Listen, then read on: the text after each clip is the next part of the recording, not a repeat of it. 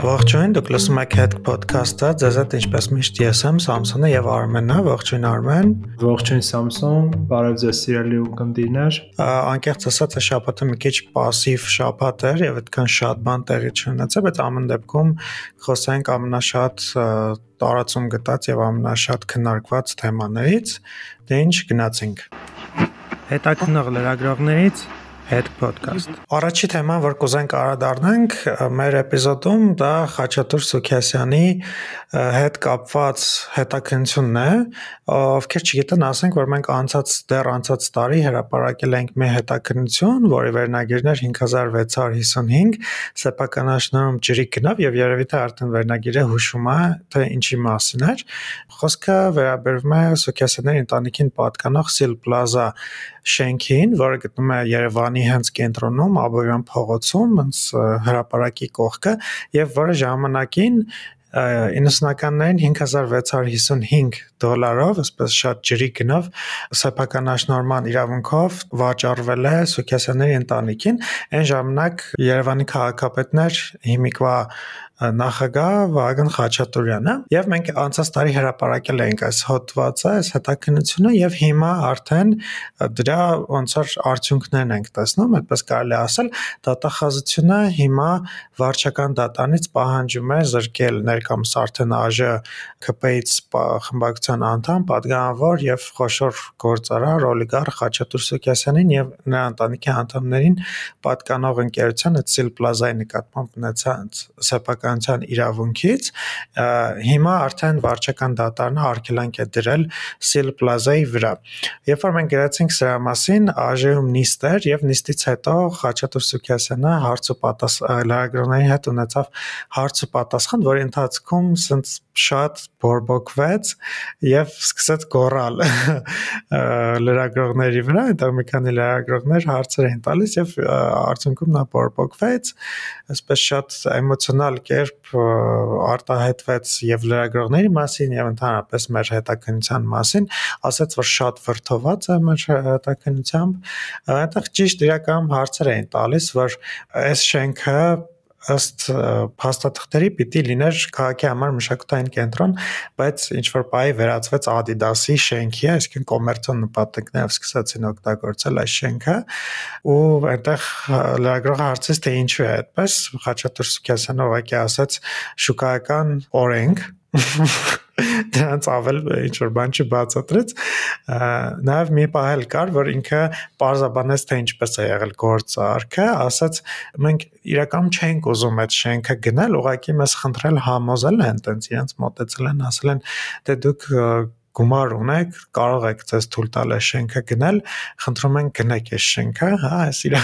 բացատրությամբ ամեն ինչ այսպես է տեղի ունեցել ու այս ընթացքում ինքը այսպես շատ էմոցիոնալ արձագանք տվեց, ինչը իրականում Արմեն շատ զավեշտալի էր ու նաև հետաքրքիր է այստեղ դատախազության դիրքորոշումը, որտեղ մենք սրա մասին խոսել ենք, նոր դատախազ ունենք վստահ դեռ չենք կարող ասել արդյոք Սուքյասյանների ընտանիքին սեփականության իրավունքից կզրկեն շենքի հանդեպ թե չէ, բայց կարծես թե դատախազությունը գոնե ինչ որ process է սկսել եւ դատարանում փորձել է վիճարկել, ինչը պետք է ընդունենք, որ բավական դրական զարգացում է։ Հա, Սամս հաստատ դու նկատած կլինես դատախազության վերջին մի քանի հաղորդագրությունները, կոնկրետ որ ոնց որ հիմնված լինեն հետքի նախորդ մի շարք հրապարակումների վրա, թե Արսեն Թորոսյանի հետ կապված, թե, չգիտեմ, Ակոսի շենքի հետ կապված եւ մնացածի ամբողջը հիմքում հետքի հրապարակումներն են եւ դատախազությունը դրանց այդ գործերի նկատմամբ քննությունը սկսել է նորից աշխուժացնել, որովհետև եկավ մի պահ, երբ որ հատկապես 18 թվականից հետո ցենց անընդհատ մենք տեսնում ենք նոր քրեական գործեր մեր հրապարակումների հիման վրա ու ինչ որ մի պահից 19-ի կեսերից 20-ից այդ ալիքը ցենց սկսեց թուլանալ կամ ուղակի մենք հայտարարում են որ ուսումնասիրում ենք հրապարակումը, հանգամանքները եւ դրանով ամեն ինչ ավարտվում էր, հետո չենք էլ իմանում ընդհանրապես քրեական գործ հարուցվեց թե չհարուցվեց։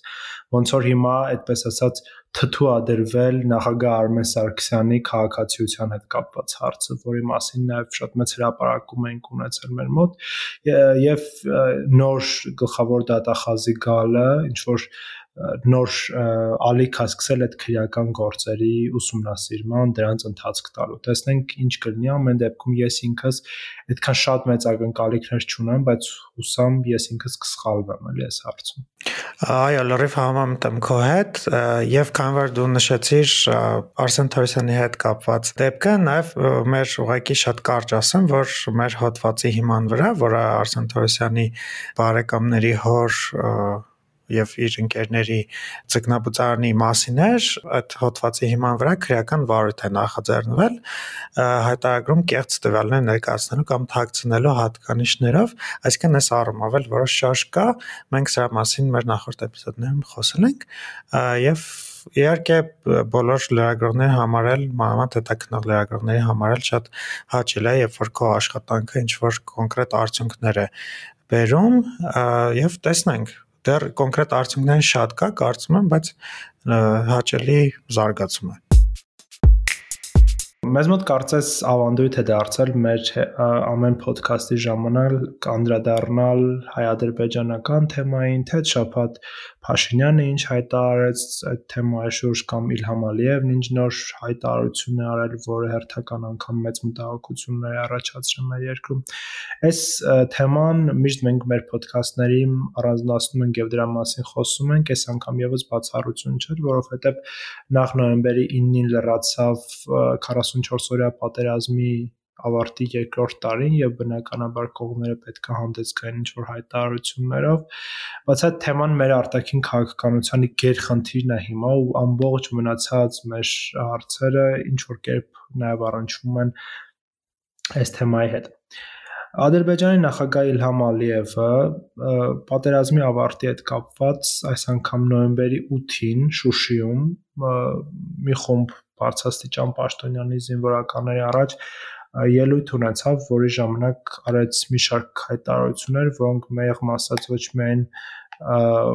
ուղիղ սպառնալիք են հանդիսանում մեզ, այլև այդ հայտարարություններից կարելի է ենթադրել, որ Ադրբեջանը դեմ չի ամենևին նոր ռազմական գործողություններ սկսելու։ Նախ Ադրբեջանի նախագահ խոսեց 44 օրյա պատերազմի, դրա ավարտի, իրենց համար դրա նշանակության եւ դրան զուգահեռ նաեւ Իրանի հետ կապված հարաբերությունների մասին Եթե չեմ սխալվում, սա երկրորդ անգամն էր, երբ որ Ադրբեջանի նախագահը բացահայտ հայտարարեց, որ 44 օրյա պատերազմը նախաձեռնել է հենց ադրբեջանական կողմը։ Ինչպես ինքը դա հայտարարեց, ուղղակի ասելով, որ եթե մենք ինչ որ մեկից վախենայինք, Մենք երկու տարի առաջ պատերազմ մեր հողերը իր բառերն եմ ասում, մեր հողերն ազատագրելու պատերազմը չենք սկսի։ Սա ուղիղ, այսպես ասած, խոստովանություն էր, որ 44 օրյա պատերազմ ուղղակի սկսել է Ադրբեջան եւ ամենաբարձր մակարդակով հանձինս իրենց նախագահի այս թեզը ասում է եւ սա իրավամբ այս հայտարարությունը հայկական իրավաբանների համար ովքեր միջազգայնացիանում տարբեր գործեր են վարում, սա ուղղակի կիրառել է միանգամայն անհրաժեշտություններ ինձ ենթադրում։ Ալևը հստակ կերպով ինքը ասաց, որ փաստացի երկիրը որևէ պետությանից չի վախենում, կլինի դրանք տարածաշրջանային պետություն թե գերտերություն, եւ իր արժեվ դրած խնդիրներն իրականացնելով ինքը ոչ մեկին չի նայելու։ Ես կարծում եմ, որ այստեղ իրոք Ալիևը անկեղծ է խոսում եւ իրոք Ադրբեջան ունենալով նաեւ Թուրքիայի նման դաշնակցի, ինքը բնականաբար ոչ մեկից չի վախենում, որովհետեւ Ա, եթե ինքը իր հարաբերությունները վատացնի Իրանի հետ, բնականաբար ամբողջ աշխարհը, հատկապես արևմուտքը իրեն է սատարելու։ Բ. Ինքը Ռուսաստանը ռուս-ուկրաինական պատերազմի ընթացքում խայտարակ պարտություն է կրում թե մարտի դաշտում եւ թե դիվանագիտական հարթակնում հետեւաբար Ռուսաստանի գործոնն ու ազդեցությունը նվազել է ու Ադրբեջանին էլ ոչինչ, այսպես ասած, պարտադրող ստիպող չի լինելու եւ բնականաբար ունի նաեւ տարածաշրջանում գործընկեր, որը ամեն ինչով կանգնած է իր մեջ։ Հետեւաբար այս հարցում Ադրբեջանը որևէ մեկից իրոք չի վախենում եւ ցանկացած բան կար նոր սադրանք հրահարի արդեն հայ-ադրբեջանական սահմանին կամ Լեռնային Ղարաբաղյան հատվածում, որը գտնվում է հայկական իշխանությունների վերահսկողության տակ գտնվում։ Նոր պատերազմի մասին բնականաբար Ալիևը նաև ակնարկեց, որ եթե Հայաստանի Հանրապետությունը չի ուզում, որ նոր պատերազմ սկսի, ապա պետք է ստորագրի խաղաղության պայմանագիրն այն կետերով, որը Ադրբեջանը պարտադրում է։ Այս հայտարարության հիմնական թիրախներից մեկը, այս հայտարարությունը ոչ այդքան Հայաստանին են իրականում ուղղված, որքան ուղղված են Իրանին, որովհետեւ վերջին շրջանում գիտեք որ Իրանի եւ Ադրբեջանի հարաբերությունը շատ խիստ լարված են։ Իրան անգամ Ադրբեջանի նախագահի ելույթում ասաց, որ Իրանը մեր սահմանների մոտ զորավարժություն է անում, որ เป զի դրանով իր աջակցությունը հայտնի Հայաստանին։ Իրան-ադրբեջանական հարաբերությունը խիստ լարված են, անգամ 3 լրատվամիջոցներն իրանական գրում են, որ Իրանը հետ է կանչել Բաքվից իր դեսպանին եւ ընդհանրապես Բաքվում Իրանի դեսպանը շատ ուղակի աչքի անկնում իր ադրբեջանամետ քաղաքականությամբ, իր հայտարարություններով, իր շնորհավորանքներով եւ սա այդքան էլ Թեհրանին իրականում դուր չի գալիս։ Երկրորդ բլոկը, որ խոսում էր Ալիևը, դա մուսուլմանական երկրների հետ Հայաստանի կապերի մասին է եւ ինքը ասում է ոնց կարող են մուսուլմանական երկրներն ընդհանրապես Հայաստանի հետ այդպիսի ջերմ հարաբերություններ ունենալ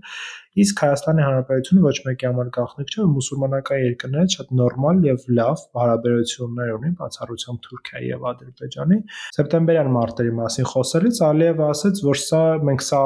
չժխտեց, որ իրենք են այս ամեն ինչը ձեռնարկել եւ սա արել են, որ հայերի համար ինչ որ դաս լինի այս ամեն ինչը։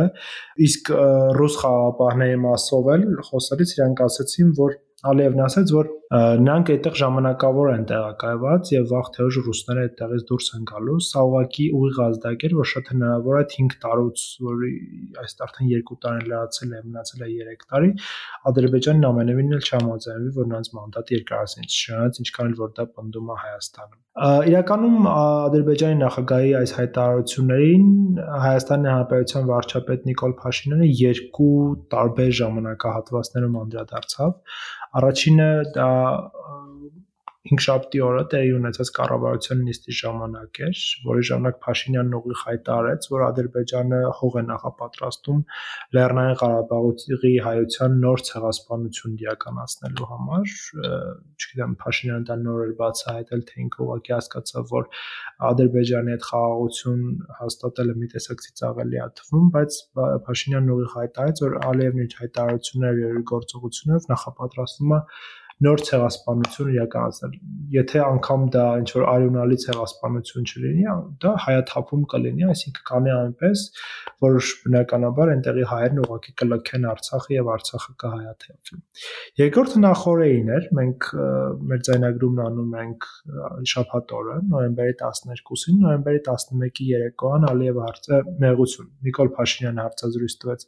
Հայաստանի հանրային հեռուստաընկերությանը, որի ժամանակ ինքը եւս էլի մի քանի կետերի անդրադարձավ։ Եթե ընդհանուր առմամբ ասենք, ապա Փաշինյանը որևէ նորություն ինչ որ որը մինչև այս անհայտ էր, տենց չասեց։ Նա ուղղակի ասաց, որ Սոչի բանակցությունների ժամանակ ինքը ներկայացրել է հայկական կողմին իրենց առաջարկները, Ադրբեջանը մեծամասամբ հրաժարվում է այդ առաջարկներից, եւ Ռուսաստանի եւ Ադրբեջանի առաջնորդներն ասել են, որ ապագայում դրանք կարող են քննարկվել։ Փաշինյանը եւս մեկ անգամ վերահաստատել է, որ ռուսական կողմի առաջարկները հայկական կողմի համար ընդունելի են, բայց հարց է տալիս արդյոք դրանք դեռևս ընդունելի են Վլադիմիր Պուտինի եւ ռուսական establishment-ի մնացած ներկայացուցիչների համար։ Անկամ նա ասաց, որ աշխատանքային քննարկումների ժամանակ Խովաևյան առաջարկներ են կոչվում, իսկ Խովաևը դա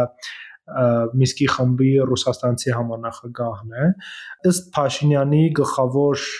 մեսիջը այդ առաջարկությունը կանում է նրանում որ Արցախի կարգավիճակի հարցը թողնվելու է հետագայի կարգավորմանը վերջին 30 տարվա այդ գլխավոր մինուսը դա էր որ միշտ ասում են որ կարգավիճակի հարցը հետագայում է որոշվելու եւ հիմա փաստորեն այդ նույն թեզը էլի հայկական կողմը ռուսների առաջարկությամբ շարունակում է Եվս մեկ անգամ Փաշինյանը վերահաստատեց, որ միջազգային հանրությունը Արցախը դիտարկում է որպես Ադրբեջանի մաս, իսկ մենք քանի որ այս հարցում միայնակ ենք, մենք չենք կարող կռվել այս հարցով ամբողջ աշխարհի դեմ, հետեւաբար մենք ինքնայց եւս պետքա ընդունենք, որ Արցախը Ադրբեջանի կազմում է։ Իհարկե սա ուղիղ տեքստով ինքը չասեց, բայց ամեն դեպքում իր ասածներից այս տրամաբանությունը կարելի է քաղել։ Փաշինյանը այն կարծիքին էր, որ միջև տարեվերջ ինքը անելու է ամեն ինչ, որպեսզի Հայաստանի եւ Ադրբեջանի միջև կնքի խաղաղության պայմանագիր, իհարկե խաղաղության պայմանագրի կետերի եւ մանրամասները չեն նշվում, բայց դա բնականաբար ենթադրում է Արցախի ճանաչ Արցախի տարածքի ճանաչում Ադրբեջանի կազմում։ Ուղղակի հայ-ադրբեջանական հարաբերությունները նահավոր խառն են չգիտես թե ինչա կատարվում, ինչա քննարկվում ընդհանրապես այդ փակ դռների հետևում եւ ինչա ընդհանրապես խոսվում տեսախցիկների առաջ եւ քանի որ այնքան ամեն ինչ անհստակ է ու այնքան կողմերը չեն կարողանում պայմանավորվածություն ձեռք բերել, որ ուղղակի չգիտես արդյոք պետքա հետագայի մասին ընդհանրապես մտածել թե չմտածել։ Մեր այս էպիզոդի վերջում ցավոք պիտի խոսենք շատ դաժան եւ առեղծվածային սպանության մասին, որը տեղեր ունեցել նոյեմբերի 9-ին, ուրեմն դատախազությունից եւ ոստիկանությունից հաղորդագրություններ տարածվեցին այն մասին, որ Շիրակի մարզի Պեմզաշեն գյուղում ոստիկանները գտել են 31-ամյա կնոջ եւ նրա երկու երեխաների 12-ամյա եւ 8-ամյա երեխաների դիերը իրենց տանը դիերի վրա կային կտրած եւ ծակած վնասվածքներ ըստ երևույթի սա նշանակում է որ նրանց դանակով են սպանել նրանք ապրում են Պեմզաշենի գլխավոր փողոցներից մեկում ասեմ որ մինչև հիմա ոստիկանությունը կամ դատախազությունը որևէ կասկածյալ կամ որևէ ձերբակալված անձի մասին չի հայտնում, այսինքն մինչև հիմա դեռ չեն ողջել թե ով է կատարել այս դաժան սպանությունը, Մենք այս էպիզոդի ձայնագրությունը արել ենք շաբաթ օրը եւ մեր ձայնագրությունից ընդամենը մի օր անց քնչական կոմիտեի Շիրակի մարզային քնչական վարչությունից հայտնել են, որ Պարզվել է մեջբերում եմ առերևույթ հանցագործություն կատարած անձի ինքնությունը, ով հանդիսանում է Շիրակի մարզի 32-ամյա բնակիչ մեջբերման ավարտ ճիշտ է կա ձերբակալված անձ բայց դեռ մոտիվների եւ պատճառների մասին որևէ բան չգիտենք կարծում եմ մոտակա շաբաթվա ընթացքում արդեն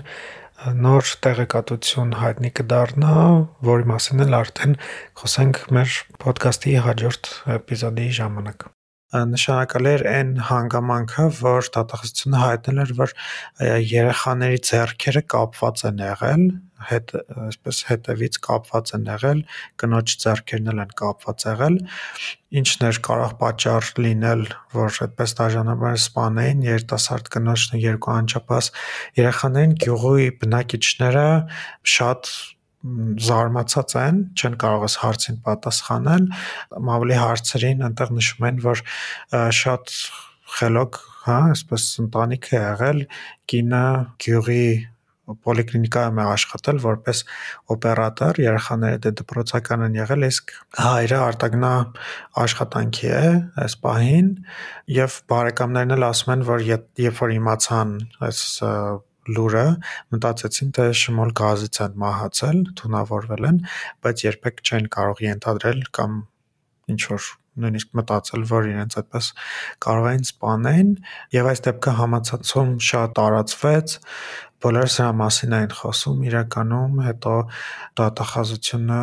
նաև ոստիկանությունը կարծեմ հաղորդագրություն տարածեցին, խնդրելով քաղաքացիներին համագործակցել ոստիկանության հետ, որպեսզի կարողանան գտնել ենթադրաբար թե ով է եղել, հա, այս սպանություն կատարողը իրականում շատերի մոտ էլ այդ հիշողությունները, ֆլեշբեքերը, հա, ասենց ասենք, եղան այն դեպքի հետ, որ Պերմյակովը մի ամբողջ ընտանիք էր սպանել Գյումրիում ու չգիտես ինչի էս դաժան սպանությունները միշտ Շիրակի մարզում են տեղի ունենում շատերը այսպես շտապեցին ենթադրել որ միգուցե նաև ինչ որ Պերմյակովի նման դեպք է ամեն դեպքում հստակ չեն կարող պնդել կհետևենք տեսնենք թե ինչ զարգացումներ կունենա այս դեպքը իրականում Հայաստանի քանի որ Հայաստանը քիչ թե շատ ապահով երկիր է միշտ համարվել, այսինքն զանգվածային մարդասպաններ մեզ մոտ գրեթե չկան կամ միգուցե կարելի ասել չկան եւ քիչ թե շատ ապահով է Հայաստանում այս դեպքը հենց դրա համար էլ բոլորին ցնցեց եւ բոլորը սրա մասին էին խոսում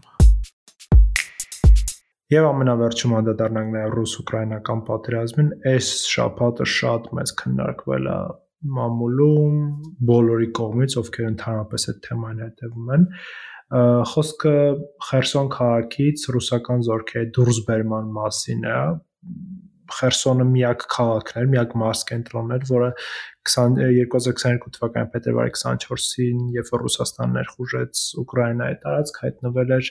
ռուսական զորքերի վերահսկողության տակ, ընդ որում հենց մարտի 2-ին, եթե չեմ սխալվում, ռուսները կարողացան գրավել եւ հիմա ռուսները այս քաղաքը եւս այսպես ասած դուրս եկան եւ ուկրաինացիները կարողացան հետ գրավել իրենց քաղաքը ընդհանրապես շատ խնդալու էր այս process-ը եւ ուղիղ եթերում ռուսական հեռուստաընկերությունները ցույց են տալիս թե ինչպես է Ուկրաինայում ռուսական զորքերի հրամանատարը զեկուցում Շոյգուին եւ ասում է որ պետքա զորքերի վերադասավորումներ անել եւ խուսափել մարդկային մեծ կորուստներից դրա համար անհրաժեշտ է որպեսզի զորքերին իրենք տեղափոխեն Դնեպր գետի ցախապ Խերսոնն ինքը Դնեպր գետի ափին է գտնվում Խերսոն քաղաքից Խերսոնի մարզը Դնեպր գետը բաժանում է երկու հիմնական հատվածների եւ փաստացի ուկրաինացիները այդ նահանջից հետո ռուսների իսկ կոնկրետ ուկրաինացիները շրջափակման մեջ են վերցնում եթե ռուսները դուրս չգային Խերսոնից ուղիղ հայտնվելու են ուկրաինացիների հրթիռային հարվածների տակ։ Հիմա ռուսները ստիպված դուրս եկան, ուկրաինացիները եկան եւ վերադարձեցին հետ իրենց Խերսոն քաղաքը եւ փաստացի ստացվեց, որ Խերսոնի մարզի մի խոշոր կտոր դա անցավ էլի վերահսկողության տակ ընդհանրապես վերջին 2-3 ամսվա ընթացքում գրեթե 60-ից 70% ուկրաինացիները կարողացել են հետ գրավել այն ամբողջ տարածքները իրենց, որոնք ռուսներն օկուպացրել են փետրվարի 24-ից հետո Ուկրաինայի տարածք ներխուժմամբ հիմա միայն ռուսական զորքերի վերահսկողության տակ է գտնվում նախքին Դոնբասի այդ տարածքը, որոնք 14 թվականից են Զապորոժիայի հարավային հատվածը եւ Դոնեցկի մարզի հարավային հատվածը, ինչպես նաեւ Խերսոնի մարզի մի մասը։ Այդտեղ խոշոր քաղաքներ են Մարիուպոլը, Մելիտոպոլը, ուկրաինացիներն ասում են, որ իրենք սրանով չեն սահմանափակվելու, երկե շատ վերլուծաբաններ կարծում են, որ մինչև գարուն շատ մեծ ինչ որ փոփոխություններ չեն լինի եւ ուկրաինացիները ծմեր կփորձեն անցնել է ստատուս քվոն պահպանեն եւ նոր մարտական գործողությունները կսկսվեն արդեն 2023 թվականի գարնանից։ Շատերն ասում են, որ սա այս ժամանակը նաեւ պետք է Ռուսաստանին իր զորքերի վերադասավորումներ անի, որպեսզի ռուսական զորքերի վիճակը իրոք շատ վատ է եւ մոբիլիզացված այդ անձանց կարողանան իրենք ինչ որ վերապատրաստեն։ Մի մասն էլ նշում էր, որ իրականում Խերսոնից դուրս են եկել ռուսները ոչ թե նրա համար, որ ինչ որ վերադասավորումներ անեն կամ խուսափեն խոշոր ինչ որ զոհերից ու կորուստներից, այլ ուղղակի ինչ որ սա ժեստ է, որը Ուկրաինային կոչ անում բանակցությունների սեղանին նստել Զելենսկիի հայտարարություններից մեկի ժամանակ հայտարարեց, որ Ուկրաինան բանակցությունների սեղանին շուրջ կնստի մենային դեպքում, երբ որ Ռուսաստանը ամբողջությամբ դուրս գա իր տարածքներից։ Ընդ որում ինքը այնտեղ նշում էր, որ խոսքը նաև Ղրիմի մասին է։ Ղրիմը գիտենք, որ 14 թվականից ռուսական վերահսկողության տակ է գտնվում։ Շնորհակալություն, որ հերթական անգամ միացել եք եւ լսել եք շաբաթվա ամփոփումը, որը ես ու Արմենը արդեն մի քանի ամիս է անում ենք ու ամեն շաբաթ ձեզ տեղեկացնում ենք ամենակարևոր իրադարձությունների մասին։ Մենք վերադառնալու ենք հաջորդ շաբաթ, սպասեք մեզ նոր հետաքրքիր նորություններով եւ կարող եք միանալ մեր Facebook-յան խմբին եւ լսել մեզ ոդքասթներ լսելու տարբեր հավելվածներ, օրինակ Google Podcast, Apple Podcast եւ Spotify։ Շնորհակալություն, կհանդիպենք մինչ նոր թողարկում։ Ցտեսություն։